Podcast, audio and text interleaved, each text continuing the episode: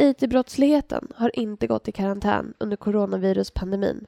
Ett nytt memo från FOI visar på motsatsen. Pandemin har skapat nya möjligheter inom cyberbrottsligheten, både för kriminella och för statliga aktörer. Dessutom har sektorer som spelar en central roll inom responsen av covid-19, såsom vårdsektorn, utgjort ett särskilt mål för cyberbrottsligheten. I det här avsnittet av Rapporterat ska vi få lyssna till en dragning om cybersäkerheten under covid-19-pandemins tre första månader. Dragningen genomförs av David Lindahl, forskningsingenjör på FOI i Linköping, samt Birgitta Liljedahl, förste forskare på FOI i Umeå. Samtalet mellan David och Birgitta sker på distans och det här påverkar ljudkvaliteten. Därför hoppas vi att ni har överseende med detta.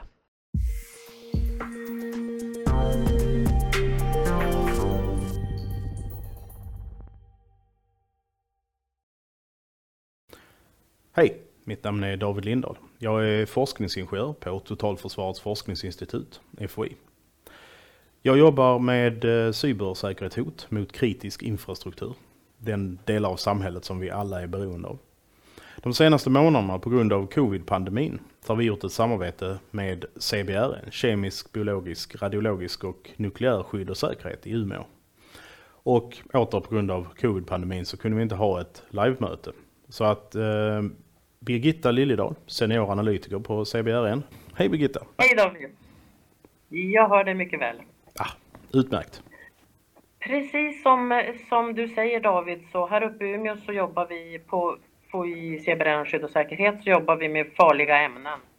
Eh, och ett av de projekten handlar om CBRN-händelser i, i störd miljö. Och där tittar vi på hur, hur, kan, alltså hur kan samhället hantera en, en händelse med farliga ämnen, kemiska, radiologiska eller biologiska, samtidigt som samhället, utför, eh, samhället är utsatt för olika typer av stress. Eh, och med störd miljö så menar vi allt från en naturkatastrof till en antagonistisk attack eller eh, elbortfall, skogsbränder eller liknande. Eller en pandemi som nu. Och en central del oavsett vad vi tittar på, antagonistiskt eller, eller eh, en naturlig händelse eller olycka, så är det komplexa sårbarheter det handlar om. Det är, hälso och sjukvårdskedjan står i centrum för det vi arbetar med. Och här är man ju beroende också av el, vatten och så vidare. Eh, och en central sårbarhet Eh, som vi ser det i det här, är ju cybersäkerheten. Dels i hälso och sjukvårdskedjan själv, dels hur trovärdigheten, folk litar på hälso och sjukvården, dels el och vattenförsörjning till hälso och sjukvården. Eh, och därför är det så otroligt viktigt för oss och värdefullt att kunna samarbeta med er experter i Linköping inom cybersäkerhet för att titta på just när det gäller covid-19 pandemin hur har cybersäkerheten sett ut under den här första perioden? Eh, och det är det den här, den här eh, briefen handlar om. Den här mm, videon handlar om. Ja. Okej. Okay. Tack så mycket Birgitta.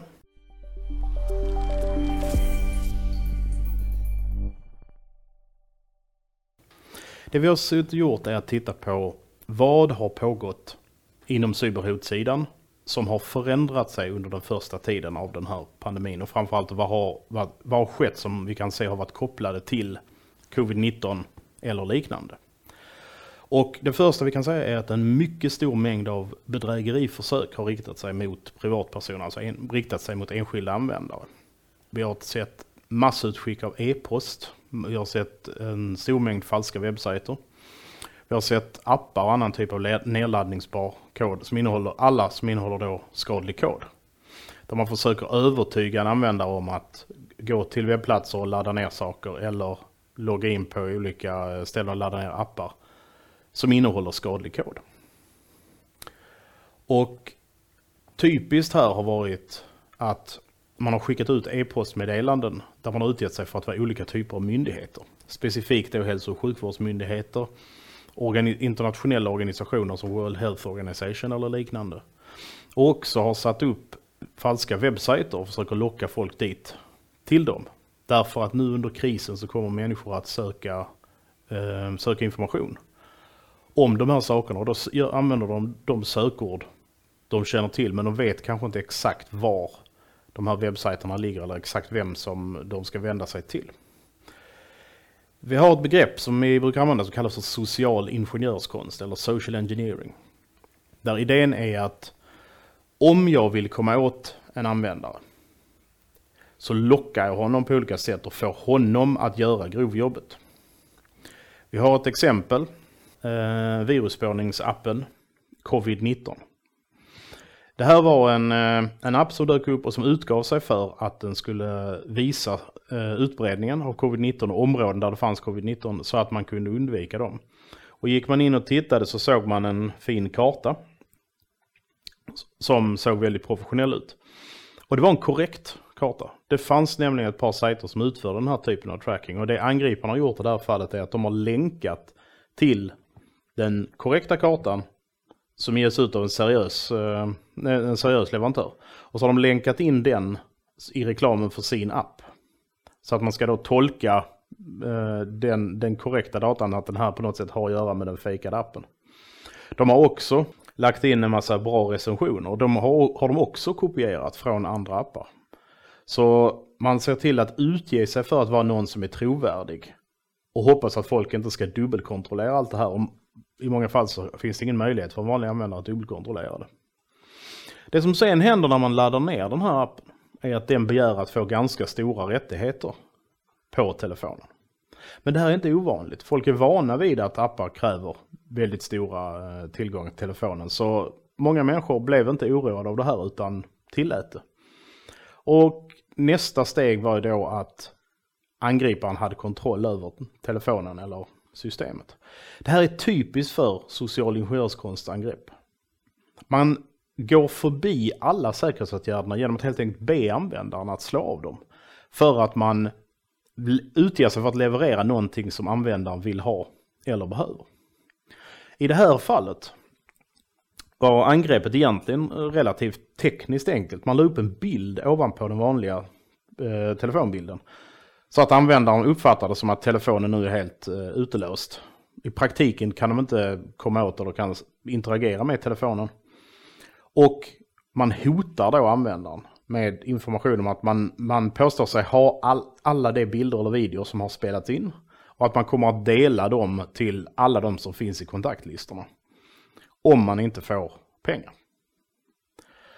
Och det här är det primära som vi ska komma ihåg de allra flesta angreppen som sker, det är för pengar, för vinning. Antingen direkt utpressning av den som eh, laddar ner appen. Eller spionage. Man till exempel vill det finns andra appar som installerar spionprogram, bankspionprogram, banktrojaner. Som sparar lösenord eller sparar access till olika platser och levererar den här informationen till angriparen. Så att de kan använda bankkonton eller de kan använda webbplatser. De flesta appar som riktar sig mot telefoner anfaller bara den enskilda handhållna enheten. Men appar som riktar sig mot andra typer av datorer som en PC sprider sig ofta till flera PCs via nätverk. Det finns också de appar som, som anfaller och sprider sig via nätverk via eh, telefoner. Här har vi sett ett direkt hot mot hälso och sjukvården. Angrepp som skedde 2017 under WannaCry-krisen stängde ner ett antal olika sjukhus. Där he hela sjukhus fick stänga av sina datasystem och blev tvungna att avvisa patienter, be, stänga ner sina eh, akutmottagningar, stänga ner planerade operationer och liknande. För att de en på sjukhuset hade laddat ner ett program med skadlig kod. Och det spred sig sedan i sjukhusets datornät och infekterade alla, eller en stor mängd av de datorer som fanns tillgängliga. Och låste sen ner dem på det här sättet i krav på lösensumma. Och det här är ett väldigt stort problem förhoppning, man har, vi har också sett det nu under den nuvarande krisen som har drabbat minst ett eh, sjukhus och en vaccinanläggning i England. Som drabbades av den här typen av angrepp där eh, någon gjorde ett misstag, någon laddade ner fel sak och hela systemet blev nedstängt för att någon krävde pengar. Under en kris så fungerar social ingenjörskonst bättre än det gör under andra förhållanden. Och det här är för att folk blir osäkra och söker information. Och det, oftast är då krisen någonting de inte vet någonting om från början. De flesta människor vet inte någonting alls om, om pandemier. Eller hade aldrig interagerat kanske med Folkhälsomyndigheten innan den här pandemin inträffade. Och som ett resultat så under en kris så vet angriparna att de har en stor mängd mål. En stor mängd människor som letar efter data. Och eftersom folk är oroade så är de beredda att ta större risker. Man kan bortse från att appen ställer stora krav. Man bortser ifrån att appen verkar ligga på en webbsida som kommer inifrån Ryssland. För man är, så, man är så angelägen om att få den här informationen. Och det här vet angriparna. Och det är också det vi har sett en, eh, en stor mängd av den här typen av bedrägerier och underrättelseförsök. Vi har ett exempel här. En eh, eh, användare som heter Dusty Fresh. Han registrerade alla de nya domänerna, nya webbplatser som dök upp i söklistor. Som hade att göra med corona eller covid. Och bara under ett par dygn så registrerar han tusentals nya webbplatser. Som många av dem heter saker som har, liknar eller har att göra med etablerade myndigheter. Och det här är bara de som uppenbarligen har att göra med sökord. Vi har också sett liknande saker med massor av eh, gamla attackprogram som ligger tillgängliga där man byter namn på saker och lägger till nya sökord. Det har till och med gått, det har till och med gått så långt att man har gett ut antivirusprogram för datorer. Där man påstår att om man har det här antivirusprogrammet och kör det på datorn så skyddas man mot, alltså biologiska personen skyddas mot viruset covid om de har eh, antivirusprogrammet covid installerat. Och folk är alltså så desperata och så oroliga att det finns människor som har gått på det här. Och har betal först betalat pengar för att få tillgång till och sen har blivit tvungna att betala pengar i lösensumma för att det naturligtvis innehöll skadlig kod. Generellt, det man ska vara vaksam mot är att de här hoten härmar legitima källor. Om World Health Organization skickar ut ett brev till dig personligen och du inte har någon anledning att tro att de vill kontakta dig specifikt, då är det antagligen inte legitimt. Men många människor tänker inte efter, utan ser det här, World Health Organization låter viktigt, covid låter viktigt, jag går in och kollar på länken. Samma har vi att vara misstänksam mot alla former av information kring covid. Att dubbelkolla allting. För att det finns de som vill lura en att gå in på olika källor och kolla och ladda ner saker. Vi har också kvalificerade angrepp. De allra flesta angreppen har varit tekniskt sett väldigt simpla. Man har bara e- e-postat ut och bett folk att ladda ner saker eller lagt upp appar och gjort reklam för dem. Men det har också funnits ett par avancerade angrepp. Till exempel eh, två, minst två fabrikat av routrar som blev drabbade av en uppdatering som spred sig. Och då fick de här routrarna att gå till skadlig kodkällor när man försökte surfa med dem. Så vi har sett hela skalan men de, de simpla angreppen är de som finns till allra största antal för att de fortfarande fungerar. De allra flesta som vi har sett har att göra med vinning. Vi tror att det är kriminella som ligger bakom i huvudsak. Man ser skadlig kod som eh, lägger in ransomware, alltså låser upp saker tills man betalar lösensumma. Eller lägger in fjärrstyrningsprogram eller lägger in troner som hämtar ut underrättelser. Men vi har också sett aktivitet som tyder på statsaktivitet som utnyttjar den här krisen. Det finns ett antal länder och säkerhetstjänster som officiellt har gått ut och rakt av pekat ut angripare och sagt vi vet, vi tänker inte tala om hur, men vi vet att de här angriparna som gjorde det här och det här, det är det här landets säkerhetstjänst. Och de angrep oss. Och vi har sett en ganska stor mängd av de hackergrupper som man no normalt tror är associerade med vissa stater har varit väldigt aktiva i med det här. Staters beteende kan vara att de vill göra påverkansoperationer.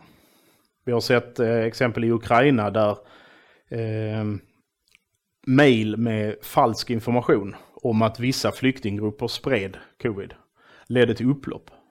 Och vi har också sett ett antal stater som har meddelat militär, att militärofficerare, politiker eller tjänstemän som sitter på viktiga, viktiga poster har fått falsk kommunikation som har utgett sig för att vara hälso och sjukvårdsministeriet, som har utgett sig för att vara läkare eller liknande, som har begärt att de ska ladda ner dokument för att kunna fylla i dem. Man har sagt till exempel att din enhet är viktig för nationen. Din militära enhet eh, kommer att behövas i det här området. Vi vill att du fyller i och läser, läser den här informationen och fyller i det här dokumentet. Och laddar man då ner det så får man in skadlig kod som innehåller spionprogramvara. Så man kan säga att staterna gör inte något speciellt under covidkrisen.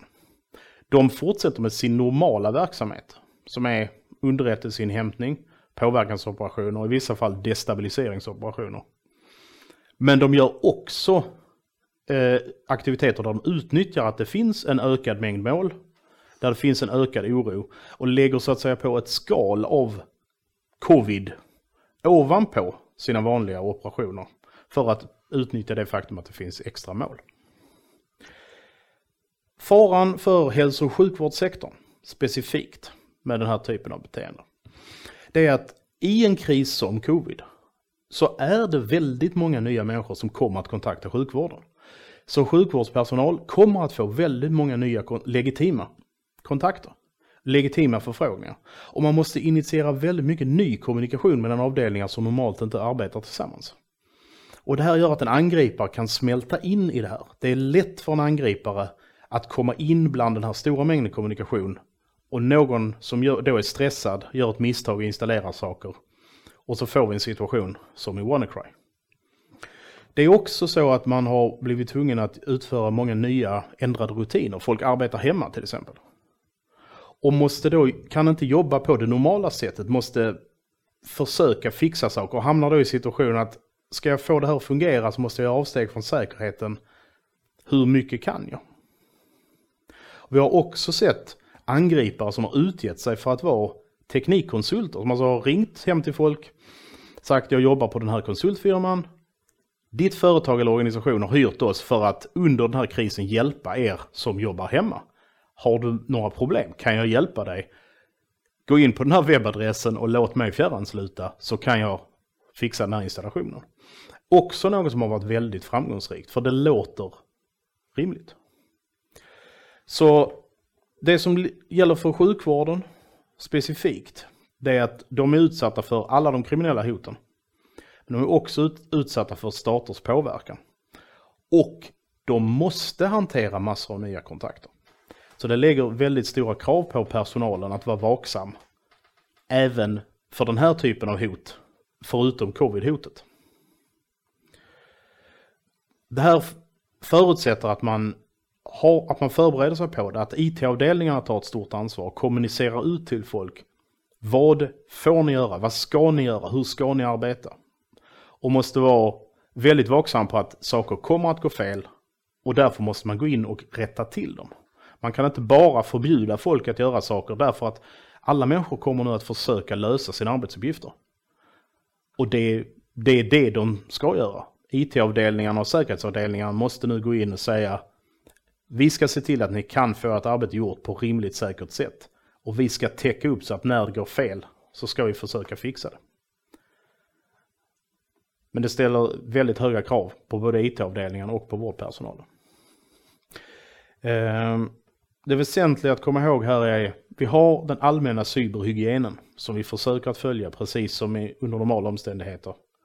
Och när vi gör avsteg för att få arbetet att fungera så gör vi det så försiktigt vi kan. Ehm, jag tänker be Birgitta att återkomma och eh, dra de övriga slutsatserna för eh, CBR-frågorna. Det som går bortom cyberfrågorna och alltså bortom min kompetensnivå.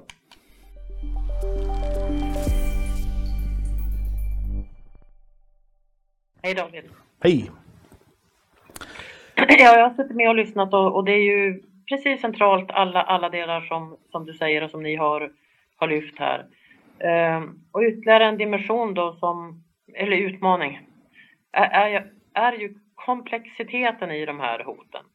Eh, de är komplexa, de är sammanknippade och som jag nämnde tidigare att det är inte bara attackerna mot själva eh, hälso och sjukvårdskedjan eh, och användarna av den, eh, vi vanliga människor, utan det är också den kritiska infrastruktur som stödjer hälso och sjukvårdssystemet. Vatten, el och så vidare. Eh, så, så vi försöker ta det här lite, lite vidare greppet och titta och kommer fortsätta att titta tillsammans med er på det här förstås. Eh, jag tror en otrolig styrka, eller det är en otrolig eh, förutsättning att vi kan jobba tillsammans med de här frågorna istället för i, i våra stuprör som vi kanske, kanske har lätt att göra annars. Utan vi jobbar kompetensöverskridande när det gäller den här typen av komplexa hot. Och det gäller ju vare sig om det handlar om en, en pandemi som nu, där kriminella eller andra försöker utnyttja de förutsättningar som är, eller om det skulle ske en CBRN-händelse av, av mer klassisk karaktär, där det kemiska, radiologiska eller giftiga smittsamma ämnen skulle, skulle spridas. Eh, eh så vi ska sammanfatta lite från, från vår horisont vikten av allt det här som, som du har berättat om, hur centralt det är för de frågeställningar som vi tittar på när det gäller CBRN i störd miljö. Det är, det är helt enkelt en helt fundamental pusselbit i detta. Mm. Ja, om jag får ansluta där. Det, det du sa nu, det, det är viktigt att komma ihåg också att de sakerna vi har tagit upp är inte begränsade till covid-situationen. Vi kan förvänta oss att vid varje större kris framöver så kommer angripare som sitter på cybervapen av olika slag att titta på vad är det som trendar? Vad är det som folk är oroliga över? Och då sätta på nya skal. Till exempel den appen för covid-19-sökning som vi såg som innehöll skadlig kod. De kommer att ta dessa vapen och sen så bara smäcka på något annat, vare sig det är kemutsläpp eller, eller vilken typ av hot det än är. Så det här är ju en, tyvärr en situation där vi, allmänheten måste lära sig att leva med det här. Du måste veta mm. att är det en kris så kan jag förvänta mig att kanske vart femte, vart femte förslag till lösning som skickas till mig är ett bedrägeri. Ja. Så, eh, Okej. Okay. Och, och, vi har en, en, en, om jag får flika in lite precis på det du säger, vi har en erfarenhet sedan många år just när det gäller farliga ämnen. Vi pratar om, om eh, du har en spridning som är reell. Det, det, är ett ämne som gör, det är giftigt eller, mm. eller smittsamt på ett eller annat sätt. Eh, men sen har du också en, vad ska man säga, political eller the toxicology of fear. Eh, vi pratar om the worried well, alltså mm. de som är jätteoroliga, kanske så oroliga så att man de facto får symptom men egentligen, har, men egentligen är man inte utsatt för någonting utan det är oron.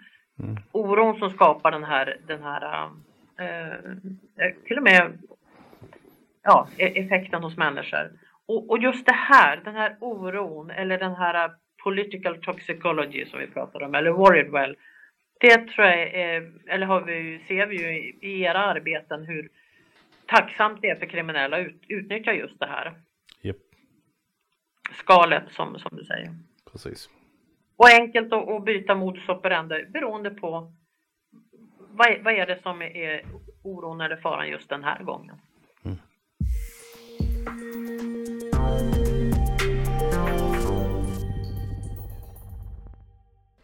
Det var alltså en dragning från David Lindahl och Birgitta Liljedahl på ämnet cybersäkerheten under de tre första månaderna av covid-19-pandemin. Dragningen finns också som webbsändning. Länk till memot som dragningen är baserad på och webbsändningen finns på www.foi.se rapporterat.